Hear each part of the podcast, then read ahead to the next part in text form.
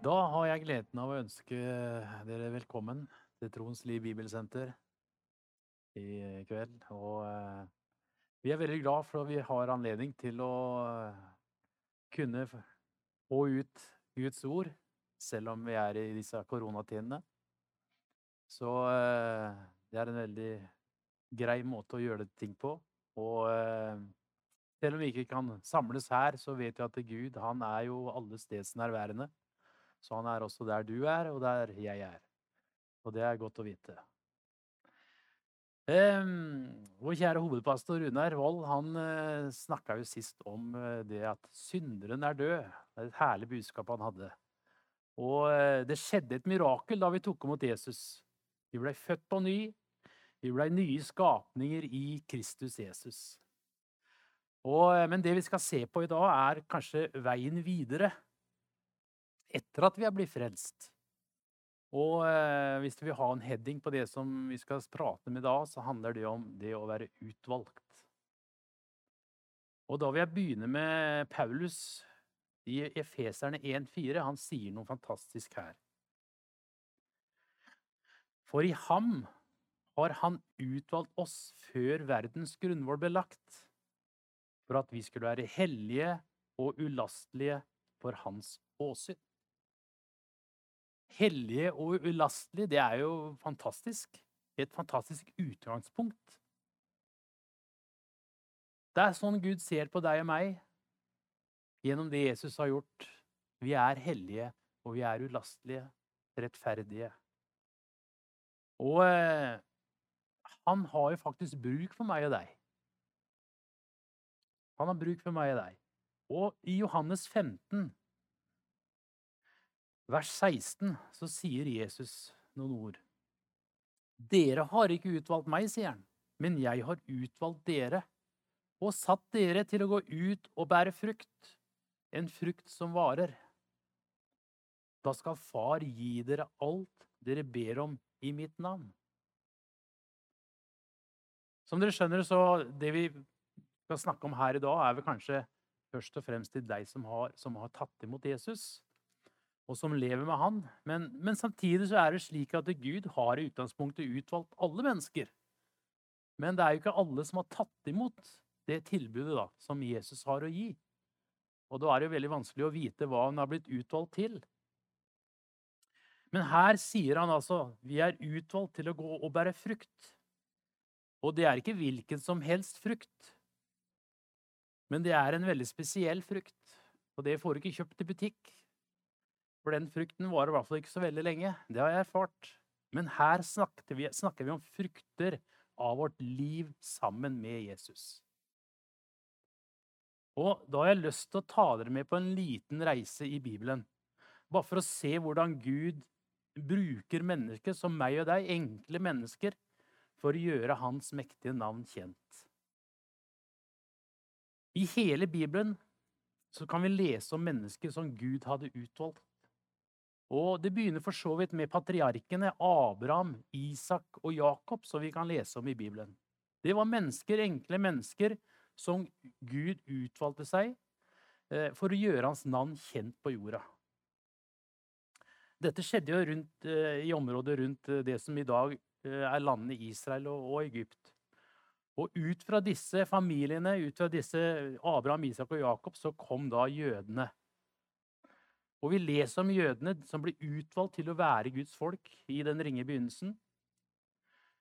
De eh, skulle være det folket som skulle føre hans navn videre og gjøre det kjent for verden.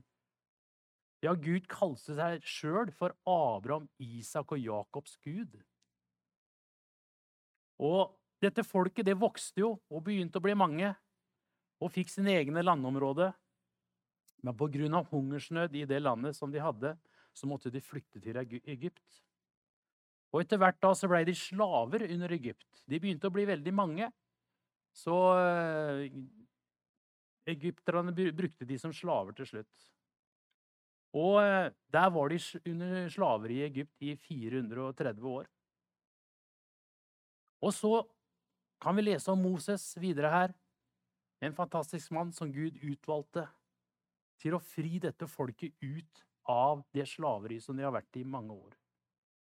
Moses og hans bror Aron greide det ved Guds hjelp og mirakler å føre dem ut av Egypt og inn i ørkenen, hvor de var, faktisk var i 40 år. Før de kom inn i det landet Kanan som Gud hadde satt av til dem. Så vi ser i hele Gamle testamentet hvordan Gud brukte enkle mennesker til store oppgaver, og hvordan de også fikk være med på enorme mirakler og, og tegn og under som, som Gud gjorde der i ørkenen. Gud han sluttet også en pakt med disse patriarkene og med folket. Og alt det Gud hadde lovt, det gikk i oppfyllelse. Han var trofast, og alt det Og holdt på en måte alt det han hadde lovt til. Det vet Gud svikter aldri sitt ord. Han er den som holder sine løfter hele tida. Og så går da vi inn i Det nye testamentet, hvor det er Jesus som Guds sønn som kommer helt hit ned på denne jorden for å sone hele verdens synd, som vi åpna med her. Gjennom Jesu død på korset så forsonte Gud verden med seg sjøl. Og eh, det viser Guds enorme kjærlighet og nåde til oss mennesker. Den er helt unik. Og eh, da Jesus begynte sitt virke her på jorden, så valgte han ut faktisk tolv disipler. Det også var enkle mennesker som gikk med Jesus i tre og et halvt år. Han lærte dem. Fikk med, de fikk være med på mirakler, store helbredelser, under og tegn. Og så sa han til dem at dere skal faktisk gjøre de gjerninger som jeg gjør. Det er noe dere skal føre videre. Det her sånn. Det arbeidet som jeg har gjort nå, det skal dere føre videre. Jesus sjøl ble jo sendt hit for å sone verdens synd. Og av alle ting så var det jo faktisk jødenes religiøse ledere som ville ha han korsfestet. Han blei jo for så vidt svikta av sine egne. Men allikevel så var det egentlig faktisk inne under Guds plan. Det var noe Gud hadde planlagt sånn sett. Jesus døde der på korset. Men prise Gud, han sto opp igjen. Døden kunne ikke holde på han. Det var umulig. Så han sto opp igjen.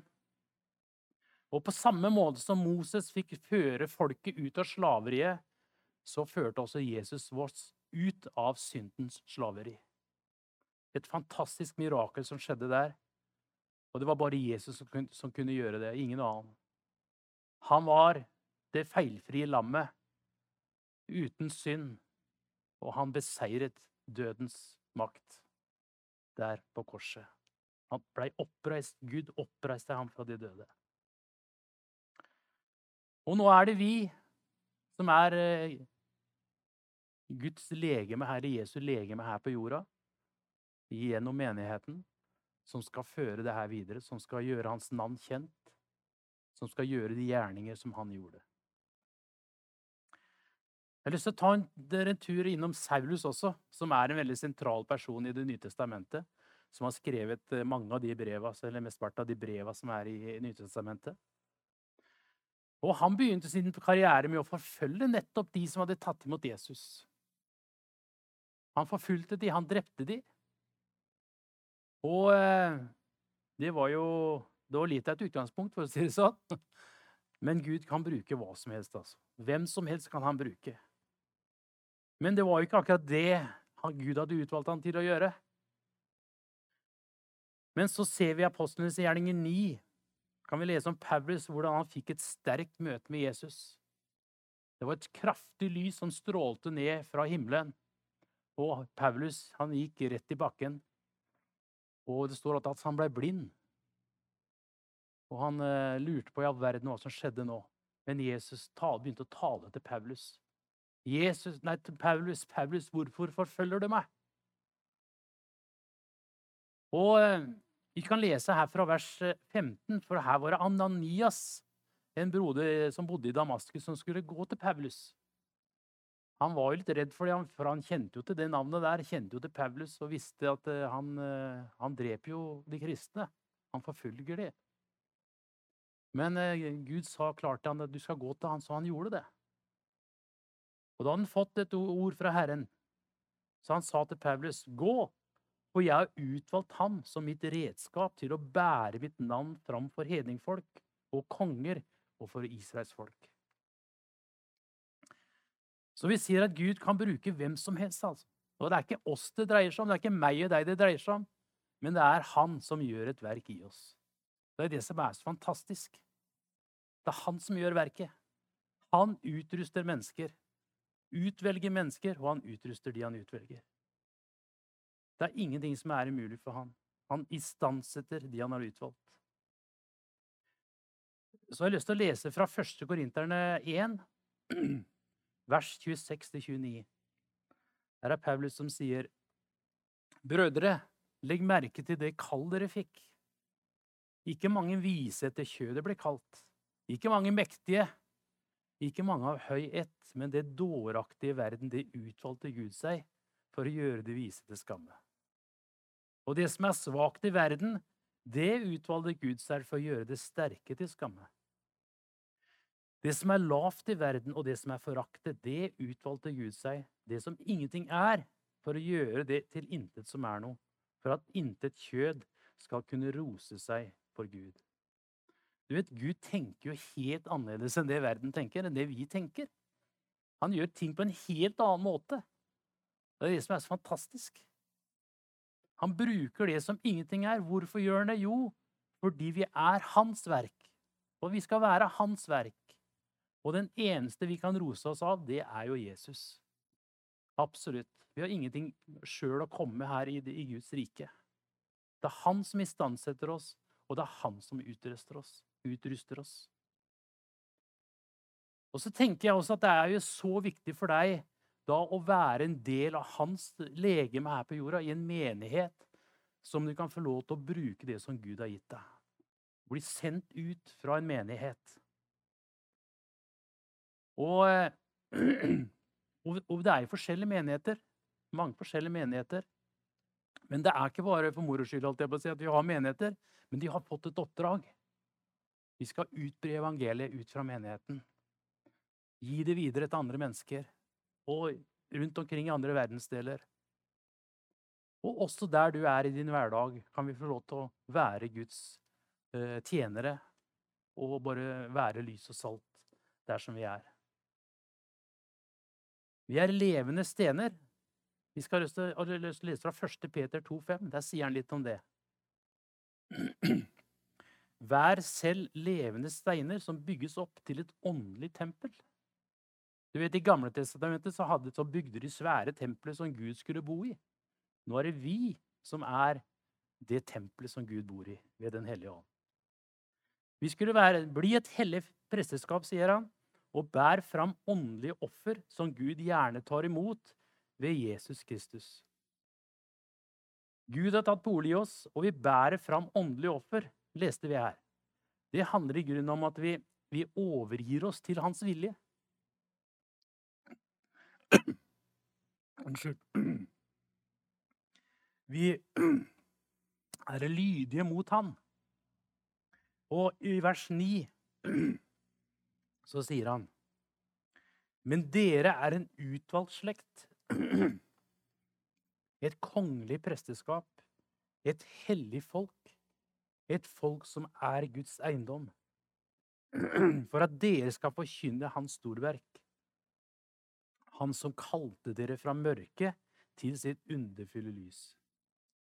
Før var dere ikke et folk, men nå er dere blitt Guds folk. For hadde dere ikke fått barmhjertighet, før hadde dere ikke fått barmhjertighet, men nå har dere funnet barmhjertighet. Han sparer ikke på konfekten, han eh, Peter. Han sa vi er et utvalgt slekt, et kongelig presseskap. Og hva betyr det å være hellig? Jo, det betyr å være satt til side for en spesiell oppgave. Vi er et spesielt folk, et hellig folk som Gud har utvalgt. Og det gjelder oss alle sammen som har tatt imot Jesus. Vi er Guds eiendom også. Det sier litt om det kallet og den tjenesten vi har fått. Vi er hans eiendom. Og vi er satt til å forkynne hans storverk. Du vet, I menigheten så hører vi mye fantastisk undervisning, og det er veldig bra. Vi trenger undervisning. Og vi hører undervisning, og vi hører, og vi hører, og vi hører. Men før eller siden så må vi begynne å gå. Da må vi på en måte bruke det vi har hørt, og så begynne å gå. For hver enkelt av oss har fått noe som Gud kan bruke. Det bør ikke være så synlige ting bestandig. Det kan være skjulte ting også, som, som, vi gjør i Det er mange ting som vi trenger å gjøre i en menighet, som kanskje ikke er eh, synlige oppgaver, men som er kanskje enda viktigere enn de synlige oppgavene. Jeg tenker på deg kanskje som har et bønnekall, som ber. Du er en bønnekriger. Og det er, helt, altså det er noe av den viktigste oppgaven som finnes i en menighet. Det er bønnemennesker. For bønn, det holder ting oppe. Og det er mange andre oppgaver som er viktige oppgaver. Men det er viktig at vi begynner å gå. I Efeserne så sier Paulus i kapittel 4 så snakker han om forskjellige gaver og tjenester som er satt i menigheten. Så sier han eh, vers 11 og 12 Det er han som gav sine gaver. Han satte noen til apostler, noen til eh, profeter, noen til evangelister, hyrder og lærere. Og hvorfor gjorde han det? Jo, han gjorde det for å utruste de hellige, så de kan utføre sin tjeneste. Og Kristi legeme kan bygges opp. Så de forskjellige gavene og tjenestegavene vi har i menigheten, er der for å utruste meg og deg. Ut, altså oss som tror. Så at vi kan utføre den tjenesten og den, de ting som Gud ønsker å gjøre. Og han vil gjøre det gjennom oss, gjennom meg og deg. Han har en spesifikk plan for deg. Du er designa for en spesiell oppgave. Det er derfor hver enkelt er så viktig. For det er ingen som kan gjøre akkurat det du kan, på den måten som du kan gjøre det. Du skjønner, Gud han er en fantastisk planlegger. Han er helt unik, for han kjenner deg og meg så utrolig godt. Det er han som har skapt oss og vet nøyaktig hvordan vi fungerer. Og han har en større plan for deg enn det du kan forestille deg.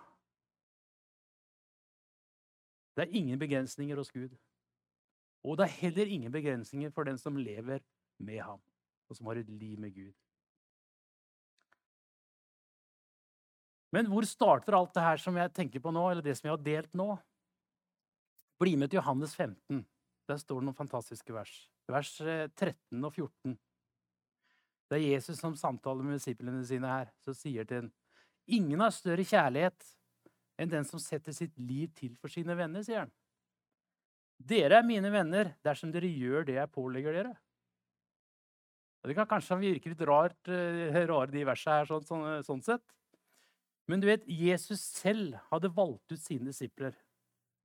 Og fram til nå hadde Jesus kalt disiplene sine for tjenere. Og du vet, en tjener han får beskjed om å gjøre en ting. Men det er ikke bestandig han skjønner helt hvorfor han skal gjøre det. Og det er nettopp fordi han er tjener. Han skjønner kanskje ikke helt meningen eller hensikten med det han blir bedt om å gjøre. Men en venn, han vet hva som skjer. Hvorfor det? Jo, fordi han har hjertekontakt med han som han har blitt venn med.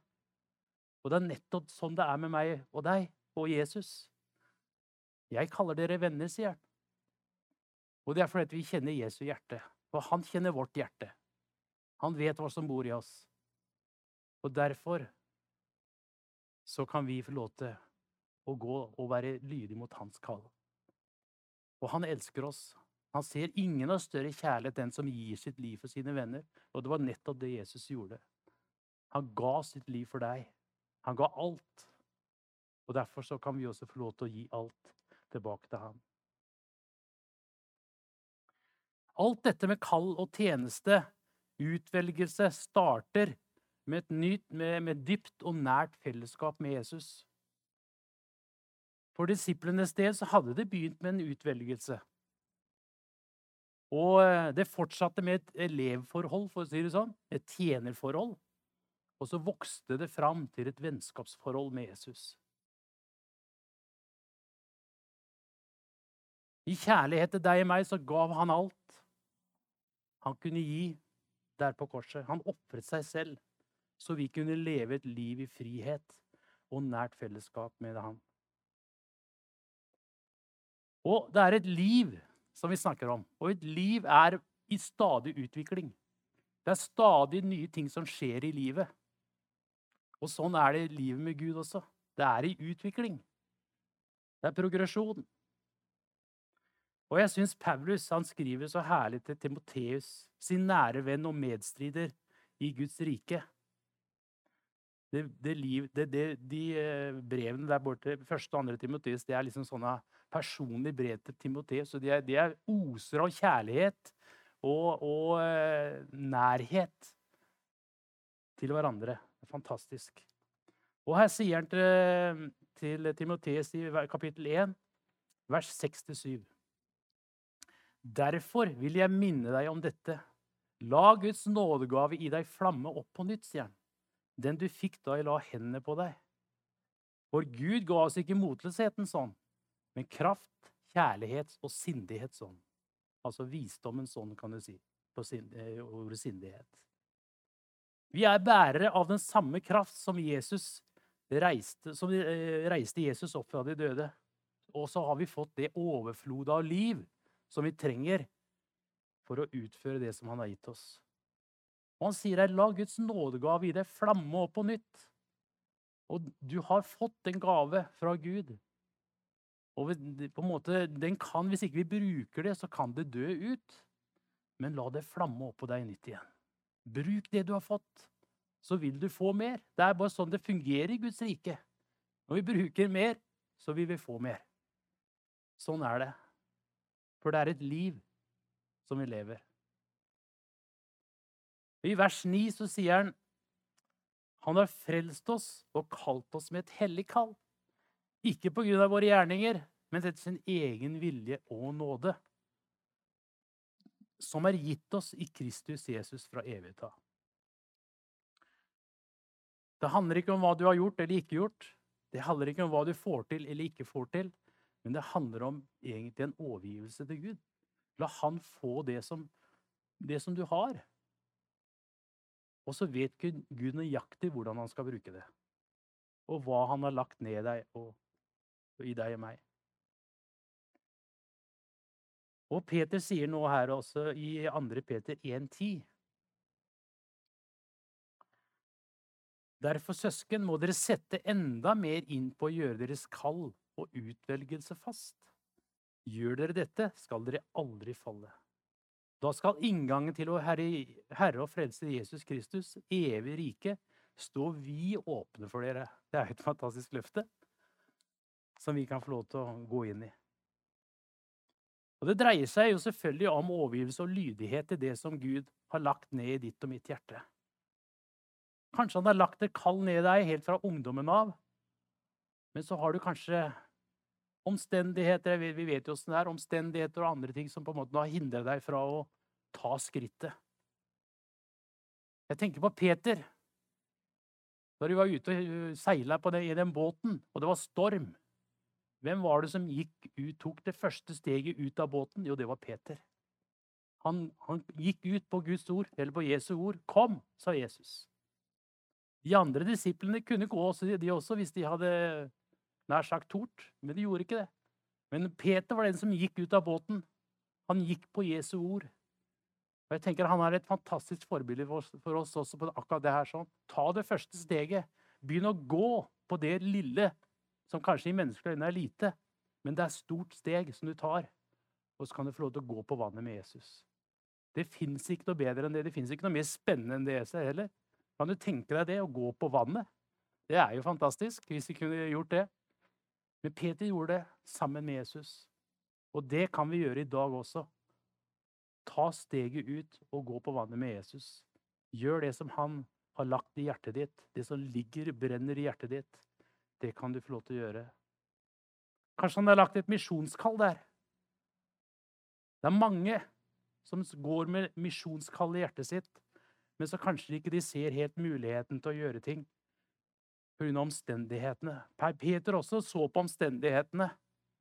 Og dermed så begynte han å synke litt. Men Jesus var der og greip han, tok tak i den og løfta han opp igjen. Og så gikk de inn til båten. Og det er nettopp sånn Gud vil gjøre med deg også. Hvis du tar steget ut og begynner å gå, så vil han være med deg. Han, han svikter deg aldri. Hans løfter, de holder, skjønner du. Det han sier, det lover han, og det, det holder han 100% Det har jeg erfart sjøl gjennom et langt liv. Så har Herren vært med meg gjennom hele livet. Han er utrolig god og nådig.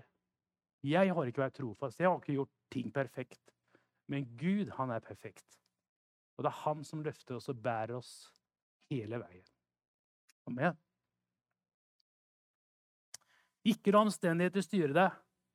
Bare vær med Herren. Han kommer aldri til å svikte deg. Og så vil du erfare at troens vandring med Herren det er den beste vei et menneske kan gå. Garantert, du finner ikke noe bedre. Det er et meningsfullt liv. Da først skjønner du på en måte meningen med livet, når du begynner å gå med Han. Så vil Han lede deg ut i store ting. Og ting som du har drømt om. Kanskje langt, langt her inne så har du drømt om ting. Og det vil Han føre deg inn i. Det er hans drømmer du drømmer. Amen. Det var grunnen det jeg hadde lyst til å dele med deg. Eh, jeg vil også si det at det på en måte ønsket om å oppdage og utvikle og bruke den åndelige utrustningen vi har fått av Gud, det det, det bør være en brann i oss alle sammen for å få gjøre det. Det er jo en stadig kamp på en måte for oss kristne som, måte, for å beholde den gløden. Da. For det er så mange ting som vi tar, ta sin oppmerksomhet gjennom hverdagen. Men det bevare gløden i det arbeidet for Gud, og ikke stoppe på, det, på den veien mot målet. Og da, og da, er det viktig at vi bruker den utrustning som Gud har gitt oss. Og eh, han sier også, det er vel til Timoteus, det tror jeg, Ta vare på den edle skatten som er betrodd deg, ved Den hellige ånd som bor i deg, sier Paulus. Amen. Det sier du Gud til deg i dag også.